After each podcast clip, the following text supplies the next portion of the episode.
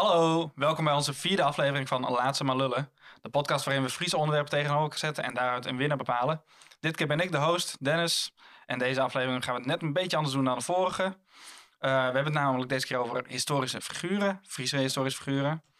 En uh, nou, één iemand kan natuurlijk sowieso niet ontbreken. Dat is Redbad. Die wordt vertegenwoordigd door Kim. Jazeker. En dit keer is Jener helaas niet. Daarom hebben we Jelmer gevonden. En die gaat het hebben over Grutte Pier. Dat klopt helemaal. Ja, ja. Nou, van Grutte weet ik dat hij dat leuke Friese zinnetje zei. Uh, ik heb gehoord dat er een film over Redbad is. Maar verder ben ik vrij blanco. Dus uh, ja, ik ben dan vooral benieuwd uh, wie deze personen zijn. Kim, wil jij beginnen? Ik wil zeker wel beginnen. Ja, ja en ik wist eigenlijk uh, hetzelfde over Redbad als wat jij eigenlijk net aankondigt. Niet zoveel. En, um, maar ik weet er nu een stuk meer over. Want um, Redbad, ook wel Radboud genoemd, is de koning van de Friezen. Hij heerste ongeveer in de zevende eeuw. En uh, dat was een tijd waarin Noord-Europa verdeeld was in uh, twee werelden. Uh, de Friezen, de Saksen en de Denen die heersten boven de rivieren. En de Franken die hadden de macht onder de rivieren.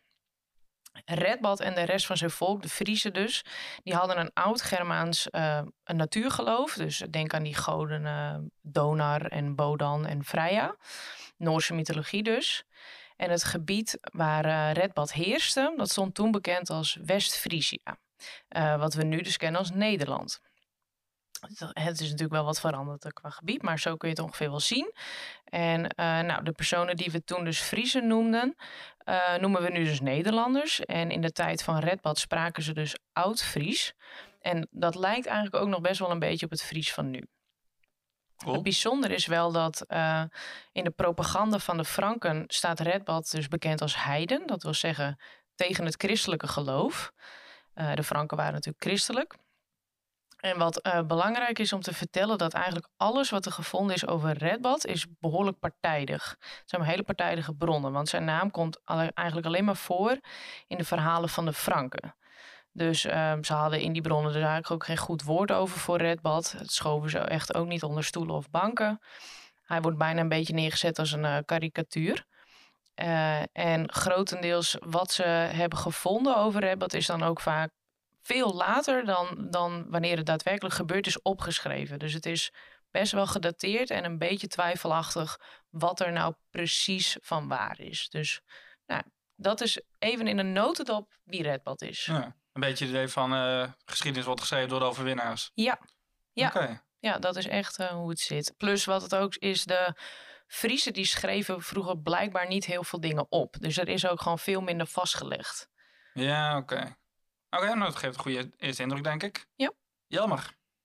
Ja, ik um, heb deze week in uh, Pier ben ik gedoken.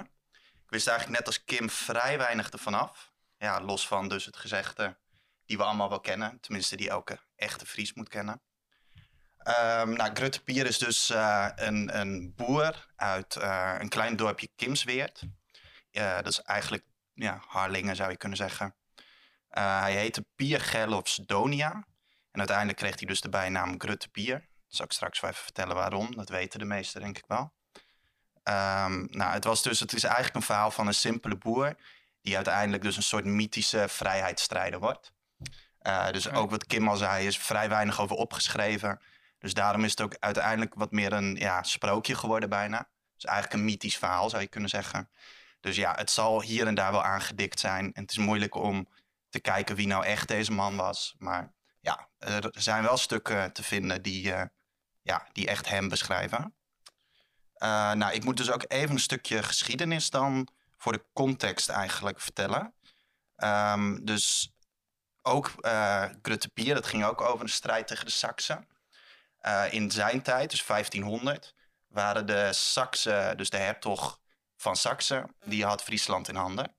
En de rest van Nederland was dan weer uh, onderdeel van uh, Philip de Schone, die dan weer de zoon was van de keizer. En dat was de keizer van het Heilige Romeinse Rijk, Maximiliaan. Nou, in die tijd was het dus, dat was de renaissance, dus heel Europa werd eigenlijk verdeeld. En uh, al die keizers en koningen waren constant aan het vechten met elkaar. Nou ja, zo ook in Friesland. Um, de Friesen zelf, die zagen dat hele keizerrijk en de hertog van Saxe niet zitten. Uh, dus die uh, kwamen eigenlijk in opstand, vooral tegen de belastingen. Um, nou ja, op een gegeven moment um, komt dus de hertog van Gelder. Die gaat zich ermee bemoeien. Dat is dus eigenlijk Gelderland. Uh, ietsje groter dan Gelderland nu. en die komt dus eigenlijk heel Friesland overnemen. Um, de Saksen, die dus op dat moment aan de macht waren, die pakken dan ook de strijd op. En die branden Piers een hele boerderij af. Oh, wow. nou ja, dus op dat moment zijn vrouw overlijdt, zijn boerderij wordt afgebrand. Dus uh, ja, je kan je voorstellen dat je dan een, uh, ja, een boer hebt die eigenlijk niks meer heeft. Ja, niks meer te verliezen. Niks meer te verliezen. En uh, ja, het enige wat hem eigenlijk nog op de been hield was wraak. Wraak op de Saksen. Nou, er waren wel wat meer boeren die precies hetzelfde hadden. Ook nou ja, geplunderd, nou ja, allemaal leed, zeg maar. Dus die pakten met z'n allen het zwaard op. Grutte Pier een zwaard van twee meter. En die was ook nog eens zelf uh, rond de twee meter. Dus die werd al gauw een beetje de leider van deze, ja, het burgerverzet zou je kunnen zeggen. Okay. Guerrilla-beweging. Uiteindelijk zou het een bende zijn. Ze noemen het een bende, dus een gang. Ik weet niet, ja. Nou ja, in ieder geval een groep geradicaliseerde yeah. mannen. Uh, nou, dus uh, wat hij zelf ging doen was ook plunderen. Maar dan de Saksen. Dus uh, ja, hij trok er gewoon op uit, ging uh, op zoek naar Saxe en vermoorde die. Nou ja, daar zijn dus wel, daar ga ik straks wel wat meer over vertellen. Hij, uiteindelijk wordt hij dus een soort uh, ja, verzetstrijder die nou ja, tegen de Saksen opneemt en later ook de Hollanders. En daar, daardoor zal hij uiteindelijk echt een mythisch figuur gaan worden. Um, uiteindelijk van die bende, dat wordt dan weer een soort zeeroversbende. Dus uiteindelijk wordt hij ook een soort piratenkoning. Dus is hij eigenlijk de aanvoerder van zijn eigen vloot. En uh, ja, gaat hij de Zuiderzee op vechten tegen de Hollanders. Dus, maar ik zal okay. er straks wel meer over vertellen. Maar dat is een beetje... Hè, ik probeer het ja, in het klein te houden. Maar dat is een heel verhaal. Nee, cool. Uh, bijna in ieder geval een stuk duidelijk geworden. Ik denk dat het eerste punt... Uh, die gaat toch wel naar Grutte Pier. Want ik, ik vind het toch wel mooi dat het gewoon zo klein begonnen is... en dat hij dan eigenlijk zo'n grote leider wordt... dat ja, dat vind ik toch wel iets heel stoers hebben. Helemaal mee eens. Ja, dat is steeds jammer. Verdorie. Maar, ja, hij glundert ook. hij glundert hier ook.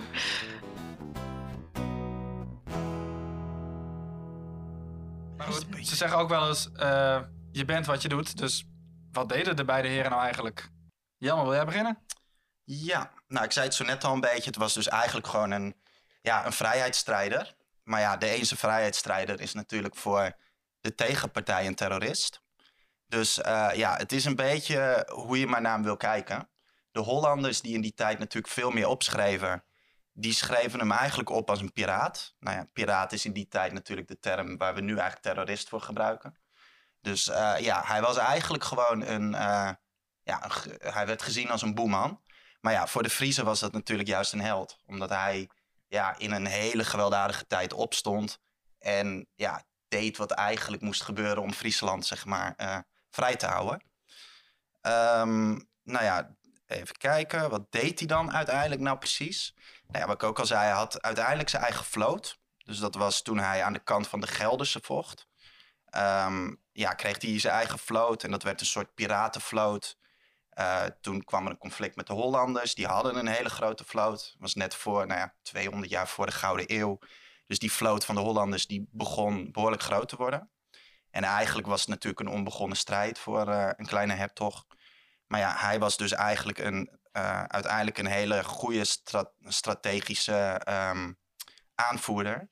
Die dus met die vloot eigenlijk alleen maar gewonnen heeft. Dus um, ja, heel, heel vreemd ook, want het waren eigenlijk bij elkaar geraapte schepen. En uh, het stelde niks voor. Maar um, ja, heel veel slagen gewonnen. Uh, nou ja, wat verder, wat de mythe ook nog heel erg om hem heen vertelt, is dat hij natuurlijk heel veel koppen heeft laten rollen. Um, hij zou vooral een haat hebben natuurlijk aan de Saksen, die zijn vrouw vermoord hadden, boerderij hadden afgefikt. Maar hij had ook uiteindelijk een haat aan de Hollanders. Want dat is het moeilijke aan dat conflict. Die Saksen die zaten ook weer on, waren ook weer onderdeel van de Hollanders, zeg maar. Dat was okay. toen het Habsburgse Rijk. Dus ook die Saksen die vielen daar ook weer onder. Dus ja, hij had net zo'n goede haat aan Hollanders. En uh, ja, eigenlijk iedereen uh, die op zijn pad kwam, die niet een Fries was. Vooral Ja. later in zijn carrière. Daar werd eh, de kop van afgehakt. Is Friesland ook groter geworden door hem of eh, dat niet? Eh, nee, nee. Ik zal straks ook nog wel even vertellen over zijn strijd. Want er, zijn heel, er is heel wat gewonnen. Maar uiteindelijk is het niet een heel mooi, eh, mooi zeg maar, einde. Dus, Oké. eh, Oh, ik ben benieuwd. Kim? Eh, ja, Eh, als ik even eh, ga vertellen over wat Redbad deed. Ehm, hij was natuurlijk koning van de Friezen. En hij wordt echt gezien als een ja, machtige heerser. De Franken willen namelijk heel Europa veroveren in die tijd. En Redbad kun je eigenlijk ehm, ja, onderverdelen in twee kanten. Ehm, je hebt namelijk de ene kant van Redbad, een stoere strijder die de Friese gebieden weet te behoeden tegen de verovering door de Franken en hun christelijke geloof verdediger van de eigen cultuur en vrijheid tegen een extremistische vijand uit het zuiden. Maar de andere kant van Redbad is dat hij er ook om bekend stond dat hij heel goed functioneerde met een voet in elk van de twee werelden eigenlijk. Ehm, de Friezen en de Franken. Want hij gaf bijvoorbeeld ook ruimte aan de verkondigers van het christelijke geloof eh, om te prediken in, eh, onder de Friezen, zeg maar. En hij wist dus ook eh, door te dringen tot de hoogste politieke kringen van Frankrijk. En eh, dan heeft hij eigenlijk dus bijna wat meer van een politicus of diplomaat bijna wel wat af. Oh. Dus de, ja, dat, dat, eh, zo staat hij eigenlijk een beetje bekend in de geschiedenis. Hij wordt wel wat, bijvoorbeeld eh, de film Redbad, dan wordt hij echt wel wat geromantiseerd. Die is ook niet helemaal historisch correct. Maar goed, ja, het is een, een, een brute Friese strijder, maar ook eentje die bekend staat om een andere kant. Ook met een heel klein hartje. Ja, bijna wel, ja. Ja, ja lieve Friese jongen. Nou, ik weet niet of hij lief... ik denk niet dat je hem lief kan noemen. Ik denk ook niet, want het- hij, staat er ook wel, hij was ook echt wel bruut, hoor. En hij heeft ook echt wel eh, ja, onthoofding en dat soort dingen. Daar was hij zeker ook niet vies van. Als het, eh, als het hem niet zinde, dan eh, blijft het eh, een sikke Fries. Dat wel. Oh, dat is wel meer in die tijd, geloof ik. Ja, hè? ja. dat maakt het wel interessant. Aan de ene kant heb je soms iets, een heel idealistisch iets. En aan de andere kant, ja, dat hele vrede eigenlijk. Ja. Dat, wat grappig.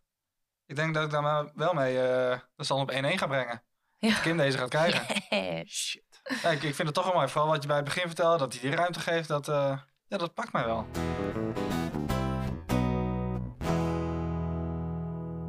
Nou, ik denk dat de volgende vraag eigenlijk een van de belangrijkste gaat zijn. Dat is namelijk het bijzondere moment van Redbad en van Grutte Pier. Jammer, wil jij weer beginnen? Ja, nou, het eh, bijzondere moment van Grutte Pier. Ja, het zijn er eigenlijk heel veel. Ja, toch wel een bijzonder leven. Maar ik heb dus eigenlijk gewoon even het meest treurige moment eigenlijk uitgezocht. Want dat eh, sluit ook een beetje zijn verhaal af. Want hij was dus eigenlijk een man die, nou ja, opstond met een vrijheidsdrang. Hij dacht, ik ga Friesland bevrijden van al die hertogen die eh, alleen maar geld van ons willen. En nou ja, eigenlijk iemand die tegen de tirannie van die tijd inging. Het was natuurlijk een tijd waarin ja, de gewone boer niks te zeggen had. Koning en zo, die beslisten alles. En nou, die besloten dan opeens van, eh, nu lever je de helft van je oogst in. Of, dus dat soort dingen, daar vocht hij tegen. Nou ja, uiteindelijk komt hij er dus in 1518. Ik zal even vertellen, in, hij begon de strijd in, even kijken, 1515. Toen werd zijn eh, boerderij afgebrand. Dus toen hij vier jaar eigenlijk aan het vechten was, aan de kant van die Gelderse eh, vorst, eh, kwam hij erachter dat eigenlijk die hertog, dus die hertog van Gelderen, nou ja, precies weer hetzelfde ging doen. Die was ook onderdeel van het Habsburgse Rijk. Eh, die kreeg ook weer zijn orders van de keizer. En ja, die kwam uiteindelijk net zoveel belasting in. Hè? Dus eh, ja, die hele strijd waar hij al die tijd van het vechten was, die ja, bleek eigenlijk gewoon voor een vorst te zijn in plaats van voor zijn vrijheid. Oké. Nou ja, daar bleef hij dus ook behoorlijk eh, teleurgesteld achter. Toen besloot hij ook van ik stop er gewoon mee. Zoek het maar uit met jullie oorlog. Eh, ik doe niet meer mee. Inmiddels waren ze dus al tegen de Hollanders aan het vechten. Want die Saksische vorst, die, eh, nou ja, op het moment dat Pier zich in de strijd gaat mengen, dan zegt opeens die Saksische vorst van, ik hou het voor gezien, deze strijd ga ik niet winnen. Die verkoopt dus zijn, eh, zijn rechten van heel Friesland, verkoopt hij dan aan ehm, de, ehm, even kijken, ja, de, de eh, Hollanders. Dus dat is dan ook Karel Vijfde. Die zal uiteindelijk ook weer keizer worden van dat rijk. Dus dat was een he- hele hoge pief. Nou, die koopt dus die rechten en die gaat die strijd aan. Ehm, op dat moment besluit hij dus eigenlijk van ik stop ermee. Hij heeft dan vier jaar gevochten. En eh, ja, het schijnt, dat is dan wel echt zo'n ding dat je niet helemaal weet of dat nou echt is. Maar het schijnt dat een waarzegger ook tegen hem gezegd zou hebben van... Jij zal sterven op zee. Nou ja, op dat moment is hij al teleurgesteld. Hij krijgt zo'n ominous uh, waarzegster die hem vertelt van je gaat binnenkort dood op zee. Dus hij denkt, ik ga naar Snake. Ik uh, zit daar lekker mijn laatste jaren uit. Ik ga in Snake zitten. Nou ja, dat, dat is natuurlijk wel een beetje treurig. Voor, niet dat Snake nou niks is, maar zo'n heftige strijder, weet je wel. Leven vol avontuur. Ja. ja. en dan zit je daar in Snake, weet je wel. Uh, Wat heeft hij daar toen gedaan? Ja, nou, dat is dus ook wel het treurige. Want die waarzegster die had uiteindelijk natuurlijk ook niet gelijk. Dat staat dan ook wel weer een beetje symbool natuurlijk voor zijn strijd. Waar hij ook de hele tijd denkt voor iets te vechten wat niet zo blijkt te zijn. Ja. Uh, zo gauw die in Snake komt, twee jaar later is hij gewoon dood. En uh, oh, wow. sterft hij op 40-jarige leeftijd in huis. Niet Och. op zee. Dus uh, nee. alles waar hij in geloofde is niet uitgekomen en klopte oh. niet. Dan loop je eerst vier jaar loop je te vechten. En dan woon je twee jaar in Sneek. Ja. En dan overleef je dat niet. Dat is ook wel ironisch. Oh, Nog geen moeder is net naar Sneek verhuisd. Dus, uh, ik begin me wel een beetje zorgen te maken. Dat snap ik wel. ja, wie weet wel een nazaat van. Misschien heeft hij die twee jaar nog wel... Uh, maar dan is Kim ook het nazaat van. Het zou ik, kunnen. Ja. Er kan soms fanatiek uit de hoek ja, komen. Ja, dat is zo. Dit is zo. Hoe kun je? Land verraden. oh, oh, oh, oh, oh. Oh nee, Redbad is natuurlijk eigenlijk gewoon veel eerder ook, hè? Zevende eeuw. Ja, dat is waar. Zo. Ja, dus ja. eigenlijk gewoon uh, voorvader ook weer van Grutte Pier. Uh, we moeten wel uh, baas Boppe Baas hier. Dat is dan wel waar, ja. Nou, baas Boppe Baas, kom maar. Ja, want kijk, dat is het ding dus ook een beetje. Dat ik merk nu al wel dat alles wat Jelme vertelt. Er is echt wel wat meer bekend volgens mij over Gruttepier. Want uh, uh, ja, er is echt gewoon veel minder over, uh, over hem bekend. En het zijn allemaal dus van die, wat ik eerder ook al vertelde, van die, ja, van die bronnen die alleen maar vanuit de Franken zijn verteld. Dus wat ik nu qua bijzonder moment wat ik ook ga vertellen, dat komt dus ook um, uit um, drie oude Frankische passages, zeg maar. 110 jaar na dat gevecht is dit opgeschreven. Dus um, het vertelt vanuit één kant, dus ik weet ook niet zeker of het helemaal voor de volle 100% klopt, zoals, het, zoals ik het nu uh, gevonden heb. Maar eigenlijk is dit moment een beetje het begin van het einde van de, van de nou ja, mooie heerschappij van uh, Redbad. Uh, want het is namelijk 695. we zijn in Dorenstad. Nu zou dat ergens in Utrecht zijn. En dit was toen een van de belangrijkste en succesvolste internationale handelsplaatsen. Um, Redbad en zijn Friese leger nemen het op tegen de Frankische hofmeier Pipijn van Herstal. Maar uh, ja, Redbad verliest deze strijd. Uh, dat ja, hele trotse leger van uh, Redbad. Pipijn ja, heeft ze toch ja, verslagen. En um, het schijnt ook dat Redbad daarna nog een aantal andere nederlagen ja, leidt. En uiteindelijk later sluit hij dan dus ook vrede met Pepijn. Uh, hij staat uiteindelijk wat grond af aan hem en hij laat zelfs zijn eigen dochter trouwen met de zoon van Pepijn. Uh, wat dat wel betekent is dat dat uh, Redbad dus tot een van de meest vooraanstaande leden van de Frankische elite maakt. Dus het heeft een beetje twee kanten, want hij staat natuurlijk wel een beetje onder Pepijn daarna. Hè. Hij heeft wel die nederlagen uh, geleden. Dus dat is gewoon wel zuur. Maar het heeft ook wel ja, blijkbaar wat voordelen gehad. Omdat hij dus ja, als Fries wel bij die Frankische elite ja, een beetje binnendrong, als het ware.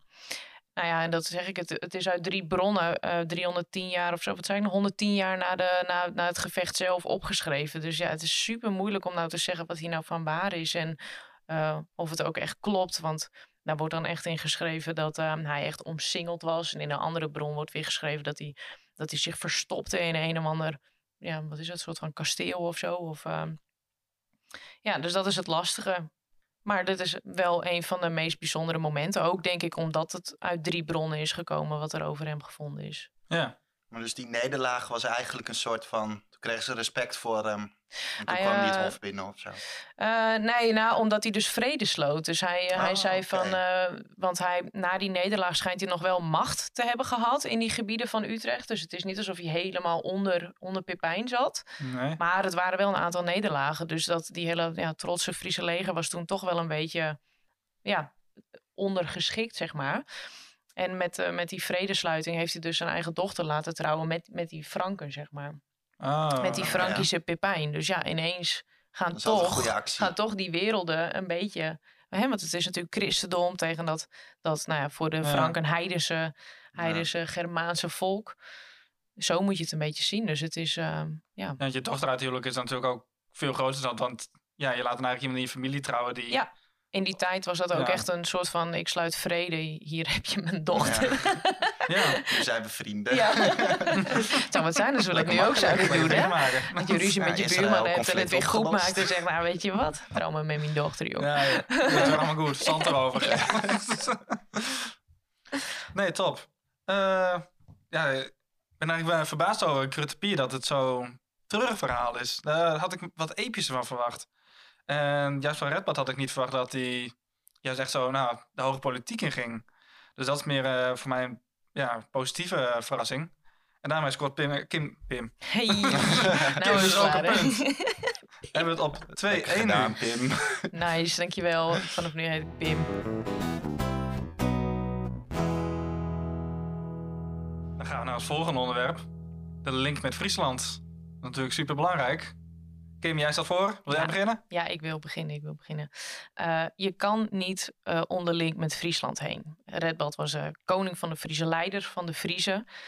Ehm, in die film Redbad, die over hem gemaakt is, wordt hij er ook echt neergezet als iemand die vecht voor de onafhankelijkheid van Friesland en godsdienstvrijheid. Redbad staat gewoon symbool voor de eigenwijze, vrijgevochten en iets wat stugge Friesen. Gewoon wat wij zijn en waar we eigenlijk ook wel een beetje trots op zijn. Ehm, hij zette zich natuurlijk sterk af tegen die Frankische macht en dat nieuwe christendom. Ehm, ja, dat vind ik gewoon echt een supersterke link met Friesland. Daarna gewoon nog een grappig feitje. Redbad, eh, wordt ook wel eens Radboud genoemd, schijnt nog een afstammeling uit de 9e eeuw te hebben. Eh, Redbad komt uit de 7e eeuw, nou ja, 9e eeuw. We zijn wat later, maar het schijnt familie eh, van hem te zijn. Die heette Bisschop Radboud van Utrecht was een Rooms-Katholieke bisschop. En ehm, uiteindelijk is er een universiteit in Nijme- Nijmegen eh, naar, hem, naar eh, Radboud vernoemd. En ook een ziekenhuis. Dus de voetsporen Oh, zijn nog steeds in Nijmegen te zien. Wat grappig. Ja, vind ik gewoon vet. Dus we hebben ook gewoon, voetste ja, we hebben gewoon voetstappen achtergelaten in Nijmegen als Friesen. Ja, Ja. conquer the world. Zeker. nou dat. Geen Nice. woorden meer een vuil maken, denk ik. Nee, jammer. Wat heb jij te zeggen? Ja, een beetje jammer dat Kim nu net dan eerst mag, want ik had bijna hetzelfde.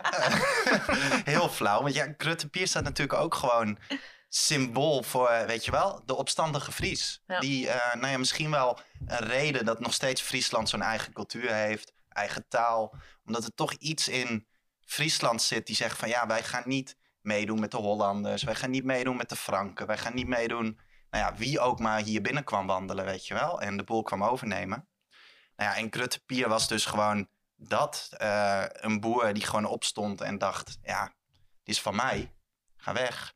En dat, eh, ja, dat zie je nu denk ik nog steeds wel eens. Als je ook naar nou ja, de protesten kijkt. eh, zelfs de blokkeervriezen bijvoorbeeld als voorbeeld. Nou, het zit erin, weet je wel. Van, jongens, het stuggen van, ja, dit Tot is... eh, hier en niet verder. ja, nu zijn we de klaar mee. En dat, ja, dat vind ik gewoon...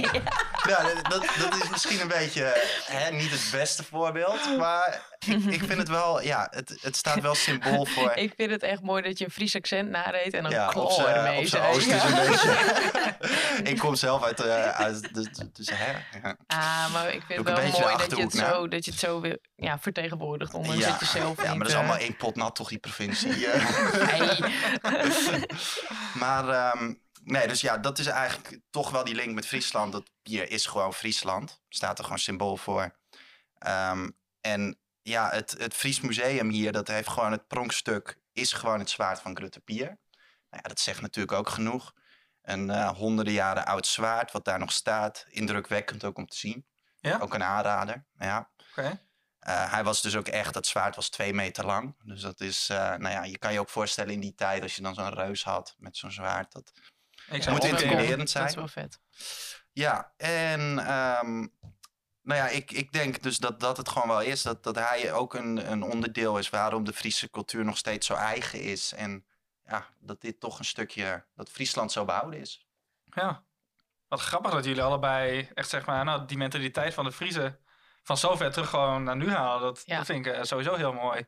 Ik vind ze ook echt best wel met elkaar overeenkomen. Ze hebben Ja. wat een andere achtergrond, hè? vooral als Grutte Pier dan meer boeren was en Redbad dan natuurlijk koning. Hè? Dat is, hebben, ze hebben wel een andere achtergrond, maar ze, ze staan voor hetzelfde. Ja. ja. En Dat dat, is ook wel wel heel cool. tof, omdat er juist zoveel jaren tussen zitten. Ja. Want Ja, maar ja, die Friese jongen, die krijgen niet Friese, zomaar... Ja, eh, Zelfs de Romeinen konden die niet overnemen, Nee. toch? Die, die grens liep ook ongeveer tot hier. ja, dus en het, eigenlijk het is zit ehm, in... eh, de Franken wilden dus hetzelfde als wat de Romeinen destijds wilden. Hè? Heel Europa overnemen. ja.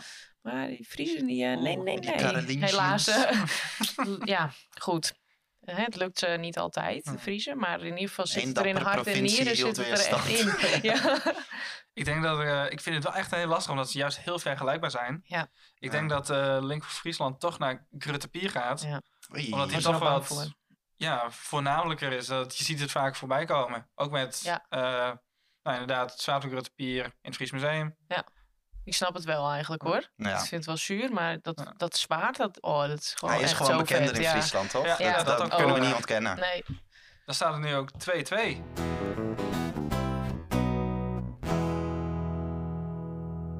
Dan gaan we naar het volgende onderwerp. Het uiterlijk. Ik heb nog geen idee waar ik dit precies de punt op ga baseren. Maar we gaan het zien. Voor mij hebben beide heren een heel interessant uiterlijk. Dus eh, ik ben benieuwd hoe jullie het gaan beschrijven. Kim, jij mag beginnen. Ja, eh, ik vond dit ook best wel lastig. Want eh, ja, nogmaals, het is echt lang geleden dat eh Redbad leefde. Dus er is niet een, een mooie foto van hem of zo. Maar ik heb echt wel een beetje uitgezocht wat in die tijd wat normaal was voor, voor dat volk om te dragen, hè, voor de Friese. Dus wat, ik begin een beetje bij het haar. Wat belangrijk was voor de Friese man. Golvend lang en dik haar. Hoe langer, hoe meer macht. Dus ja, wild, wild lang haar. En ehm, ik denk dat je het wel een beetje vikings ook wel kan zien. Vooral dat haar dan. Dat is wel wat ik voor me zag inderdaad. Klopt, Ja. klopt. Eh, en dan qua kleding. ehm het is iets wat blijkbaar heel bekend is. Het Fries laken. Eh, dat is een soort mantel van bewerkt wol. Eh, en de Friesen droegen het dan vaak in, in een aardetint, donkerbruin of zo. Daaronder hadden ze dan linnen onderkleding. En ehm, ja, ze noemen dat beenwinsels. Dat is dan van beneden tot boven, nou, tot onder de knie ongeveer. Nou, stof ge- gebonden om de, om Klinkt als om de benen. Ja, bijna wel. Alleen dat was gewoon echt een mode, mode ding. Maar eigenlijk ook ehm, om het warm te houden in de winter. Hm. En vaak als je dan een beetje geld had, dan deed je er nog een mooie versierde gesp ook nog eens op. En ehm, wat erg belangrijk was voor de Friese in die tijd, heel veel sieraden. Ehm, iets wat filigraan motief heet. Dat is een versiering voor je armband, oorbellen, gespen of van die mantelspelden. Dat was dan van zilverdraad of gouddraad.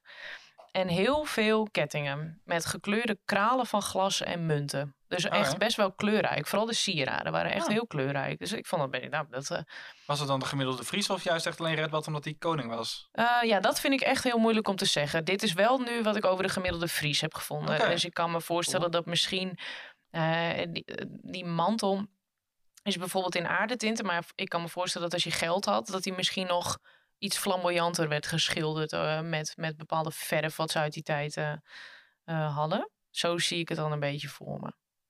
Dus er is geen schilderij van hem of zo.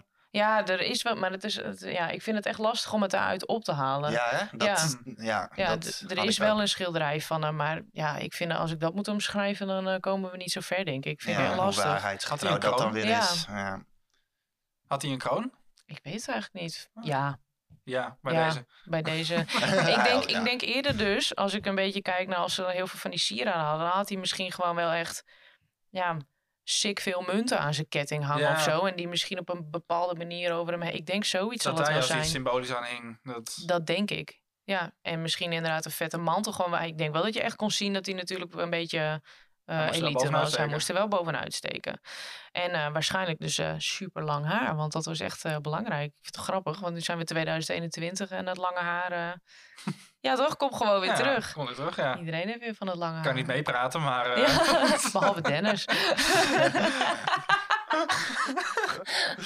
nee, cool. Ik heb best wel een duidelijk beeld. Jammer, ik ben benieuwd eh, wat jij gaat vertellen. Ja, nou ook weer precies. Nee, niet. dit is wel net wat anders, maar het lijkt er wel weer een beetje op.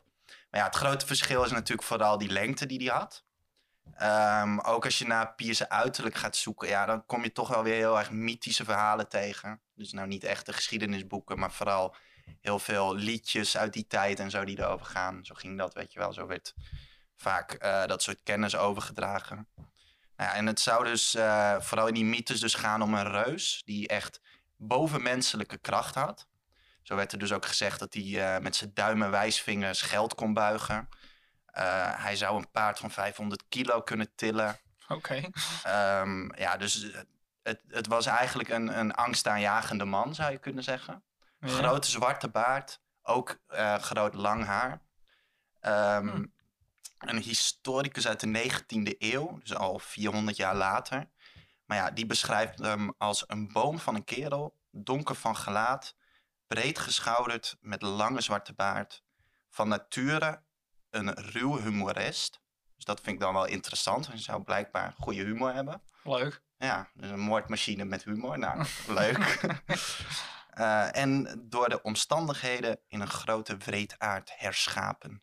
Dus van die mooie Zo. 19e eeuwse termen. Hij had een beetje donker, eh, donkere haarkleur. Ja, Is dat wat ik hier zwarte ik baard. niet Dat ik, nou, ik vind het dus vet grappig, want volgens mij hadden we het in de eerste aflevering er nog over van wat nou een typische Fries was, zeg maar, qua, qua Ja. uiterlijk. Met Nou, Matahari toen. Ja, en dan hebben we het nu toch eh, hierover. En dan denk ik, ja, het is helemaal niet zo raar. Wel echt eh, heel veel Nee, jaren geleden zo, was het niet alleen maar blond eh, haar. Ja, Nee, ik kom dus op schilderijen, zag ik dat die ook met rood haar werd afgebeeld. Ja, Nou, dat kan ik me niet voorstellen. Ik denk dat hij inderdaad gewoon, net als heel veel Friesen uit die tijd, ja. nou ja, ook als een viking eigenlijk een beetje eruit zag. Ja. Ehm, er wordt dus gezegd dat hij 2 meter 15 was. Jemig. Dus ja, hij, zou, hij was ook echt voor die tijd helemaal gewoon echt een reus. Ehm, en er werd dus ook gezegd, vooral als hij boos werd, dan was hij gewoon, ja, dan, dan renden mensen weg, zeg maar. Dan was hij gewoon echt heel eng. Dus dat, eh, ja, dat, het is dus vooral te vinden hoe eng die wel niet was. Ja. Met een Hmm. beetje humor. Had Oké. wel humor. Blijkbaar. ik ben zo benieuwd ja, wat, wat voor die humor dan? was. Ja. Ja. Dat, die, dat die kop eraf ging en dan van, oh, grapje. Was het just a prank, bro? Zijn bestaan er niet nog 15e eeuwse moppen of zo? Oh, heel benieuwd naar. Maar daar kunnen we wel eens een item aan. eh, 15 eerste grappen. Onze volgende de humor van Friesland door de tijden. Maar dan in dat oud-Fries waarschijnlijk ook. Hè? Dat ze het dan op die manier dan uitspraken. Dus dat is natuurlijk super plat. En ehm, Wij zouden de clue denk ik gewoon niet snappen. Nee, precies. Hele context snappen wij dan niks van. nee, Moppen van onze ouders vinden we wel niet meer grappig, dus laat staan Nee. dat. nee, goed. eh, ik heb van beide best wel een duidelijk beeld. Eh, ja, waar ik dit op ga baseren. Lijkt me ook heel moeilijk. Ik denk dat als ik moet kijken van hoe zou ik er het liefst uitzien, dan is dat niet meer dan twee meter, denk ik. Dus ik denk op basis daarvan wint Kim deze. Oh, Maar is een lastige, want Ja, Ik snap het wel. het is, Ja. ja, ik vind sick. ook wel erg heel imposant. dat- ik vond het ook vet moeilijk. Omdat echt, jij kan veel duidelijker vertellen hoe Grutte Pier er zelf uitzag. Ik moet het echt een beetje omschrijven aan de hand van eh, wat ik weet. Wat ze in die tijd droegen. Red Bad had wat Maar meer ik ben blij met Nou ja, dit je hebt geluk dat puntje. Red Bad er gewoon beter uitzag. Daar komt het gewoon in neer. Ja. Knappe He redbad. He cute, ja. Cool, dan staat er nu ook 3-2 voor Kim.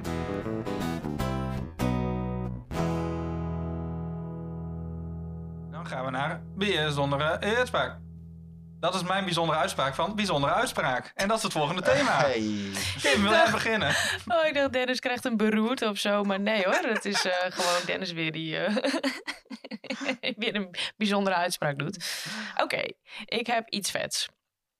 Er is een eh, missionaris, Wilfram heet hij.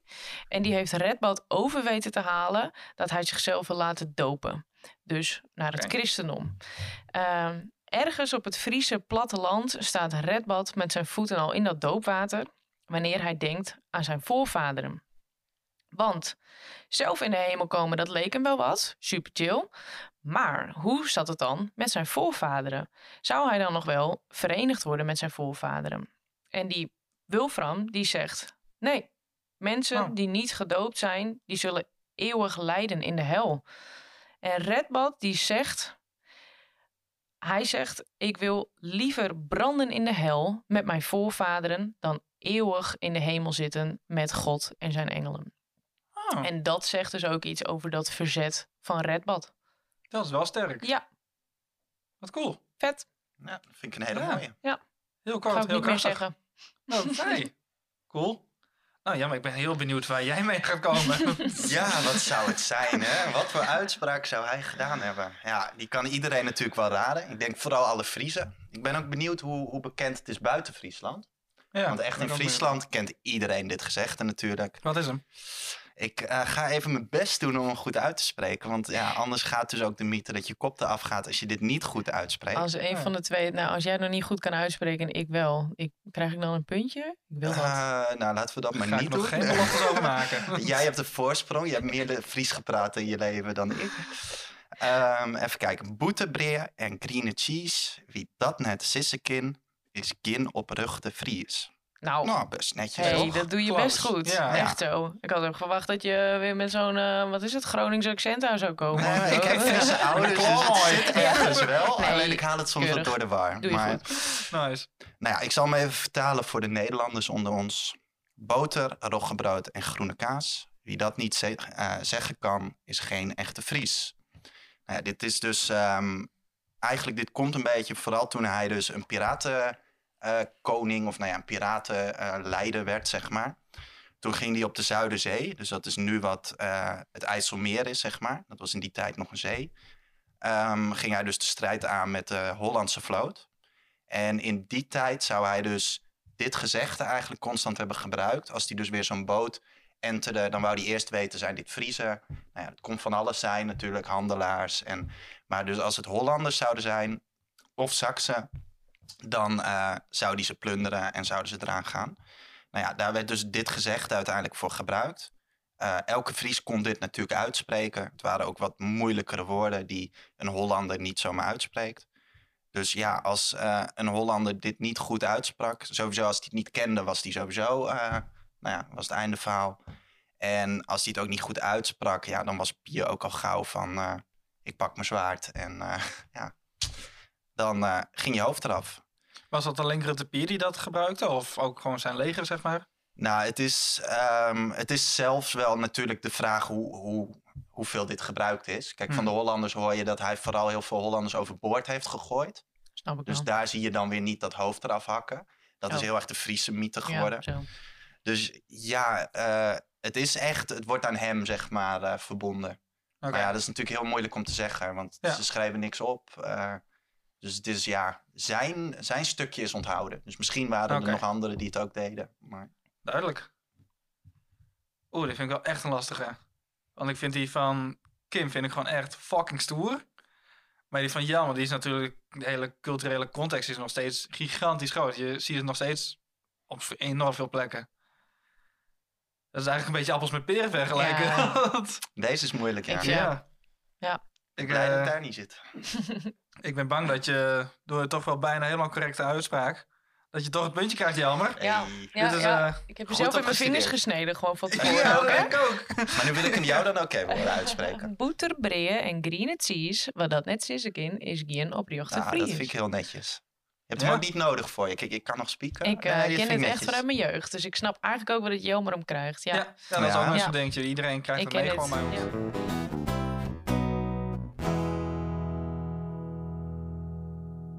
Naar de volgende. Freaky Friday. Vreemde Vreed, is er weer. Vreemde Dit vreed. keer gaan we de karakters niet met elkaar omwisselen. Maar zetten we ze in de context van de hedendaagse tijd. Hoe zouden Redbad en Gruttepier zijn in 2021? Kim, wil jij beginnen? Ja, ik vond dit echt een eh, lastig onderwerp. Maar ik heb mijn, mijn, mijn ja, creatieve brein maar een beetje in de strijd gegooid. Want eh, ik vond een vette sage over Redbad. En die heb ik gewoon vertaald naar 2021. Oké. En het eh, gaat als volgt.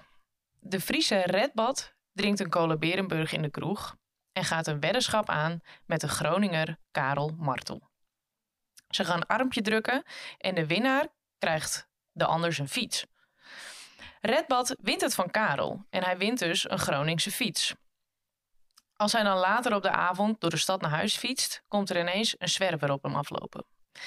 Die zwerver die zegt tegen Redbad dat hij in een vorig leven een zwarte zwaan was. En dat hij de Groningse fiets wil ruilen voor de fiets van Asbram. Die fiets van Asbram staat namelijk symbool voor hij die over alle mensen heerst. Uiteindelijk eh, ruilen ze dus. En veel, veel later, als Redbad dus ook overlijdt, moet die fiets terug de gracht in gegooid worden. Als, als ze dat dan dus ook doen, zien mensen daarna een zwarte zwaan vliegen richting de Noordzee. Oké. Alsjeblieft, doe er mee wat je Ik word hier wil. een beetje stil van. Ja. Dit, oh. Ik vind het wel fijn dat, er, eh, ja, dat hij niet op een e-bike rijdt. Dat is alweer wel weer een pluspunt.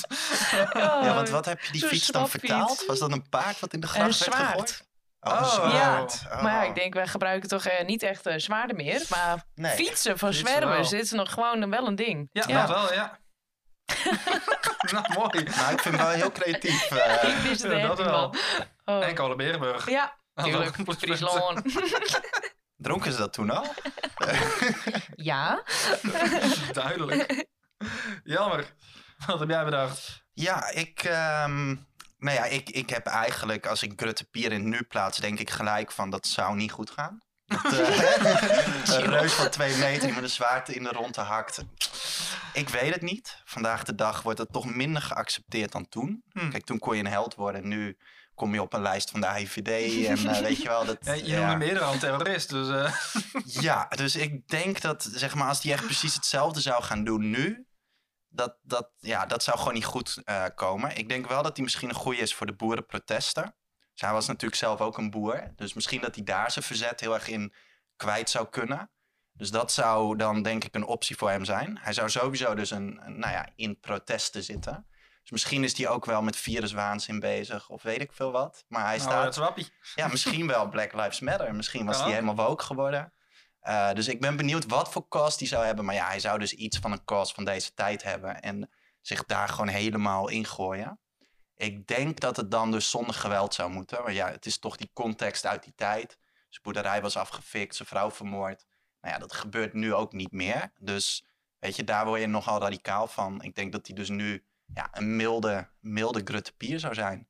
Milde. Die, eh, ja, die we terug zouden zien bij protesten. Ja, in plaats van met een float eh, vooraan bij de trekkers. Dat, eh, Precies. Niet met een trekker het gemeentehuis in, maar ik weet de vier die daar met zijn zwaard op in staat te hakken. Prachtig. oh, mooi. nee, duidelijk. Ja, god, weer een lastig. Eh, ik heb toch meer een beeld geschept bij Janne's verhaal. Ja, kut sorry. Ja, dit is een eh 4-3'tje geworden. Ik moet de creativiteit van Kim moet ik wel waarderen. Dat, dat vond ik wel echt leuk. Ik heb mijn best hierop gedaan. Moest ook erg lachen.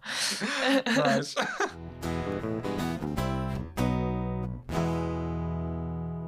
Dan geef ik jullie nog één keer het woord. Het laatste betoog. Kim kan nog voor het gelijkspel. Jammer kan de winst in handen krijgen. Jammer, jij mag beginnen. Ja, nou dan ehm, moet ik ook zeggen dat ik gewoon die winst natuurlijk verdien. Ja? Jij het. Pier. Hij Nou, aan. is gewoon het mythische figuur van Friesland. Dus ja, Radboud is gewoon niet dat niveau. Is gewoon niet... Hij was al een koning, dus dan vind ik ook dat hij al een voorsprong had om, weet je wel, een soort, ja, de geschiedenisboeken in te gaan. Kijk, een koning komt sowieso al de boeken in. Hij heeft al wel hele vette dingen gedaan en hij heeft zich wel bewezen. Maar ja, ik vind het toch eh, zelf, persoonlijk vind ik dat als je van boer tot de geschiedenisboeken en koning tot, nou ja, is dat toch een stuk moeilijker. Dus daarom ben ik zelf gewoon eh, voor Grutte Pier. Niet omdat het natuurlijk mijn onderwerp is. Gewoon echt, Nee. Het gaat echt om Grutte Pier. Ehm, ja, en ja, vooral dus dat hij eigenlijk symbool staat voor eh, ja, een tirannie. Kijk, vandaag de dag zijn we soms al snel, eh, nou ja, als we naar China kijken en zo. Maar toen, dat was nou ja, echt next level tirannie, zeg maar. Je vrouw die gewoon vermoord wordt door een hertog en zo. Dus ja, weet je, als je dan, dan vind ik je toch wel heel heldhaftig. Dat je gewoon opstaat tegen een keizerrijk uiteindelijk. Eerst een hertog, dat verandert in een oorlog tegen een keizerrijk. En je blijft gewoon vechten. Je blijft ook gewoon winnen. Hij zou iets van 28 slagen gewonnen hebben. Dus ja, voor mij ben je dan gewoon eh, ja, toch wel het Friese figuur. Dus ja, hoe cool Redbout ook is. Ik vind echt dat Het Rutte doet ook Pier heel in alsof de hij gewonnen heeft. wel. Maar ik heb wel een kant aan wat je zei. Wel, eh, dat je met als, als koning toch sowieso de geschiedenisboek in komt. Ik ken geen enkele andere Friese koning. Nee, nee, het is misschien niet helemaal waar inderdaad. Daarom, ik ben nu ook een beetje misschien eh Redbout naar beneden aan het halen... omdat ik gewoon heel graag wil Oh, winnen. zou het zo zijn? Zou het zo Maar ik, zijn? ik snap wat je bedoelt. Dus het is wel het historische figuur van Friesland. Dat, eh, is wel een dingetje.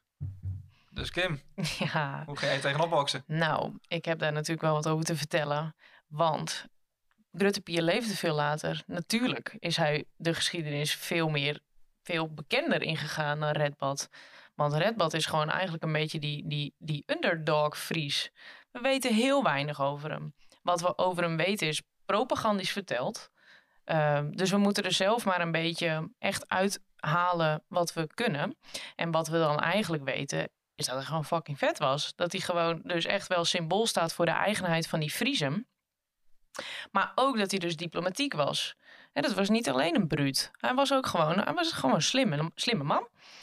Eh, daarnaast, ja, tuurlijk, mensenoffers was wel iets waar hij niet vies van was. Uh, maar uh, er is ook een film over hem gemaakt.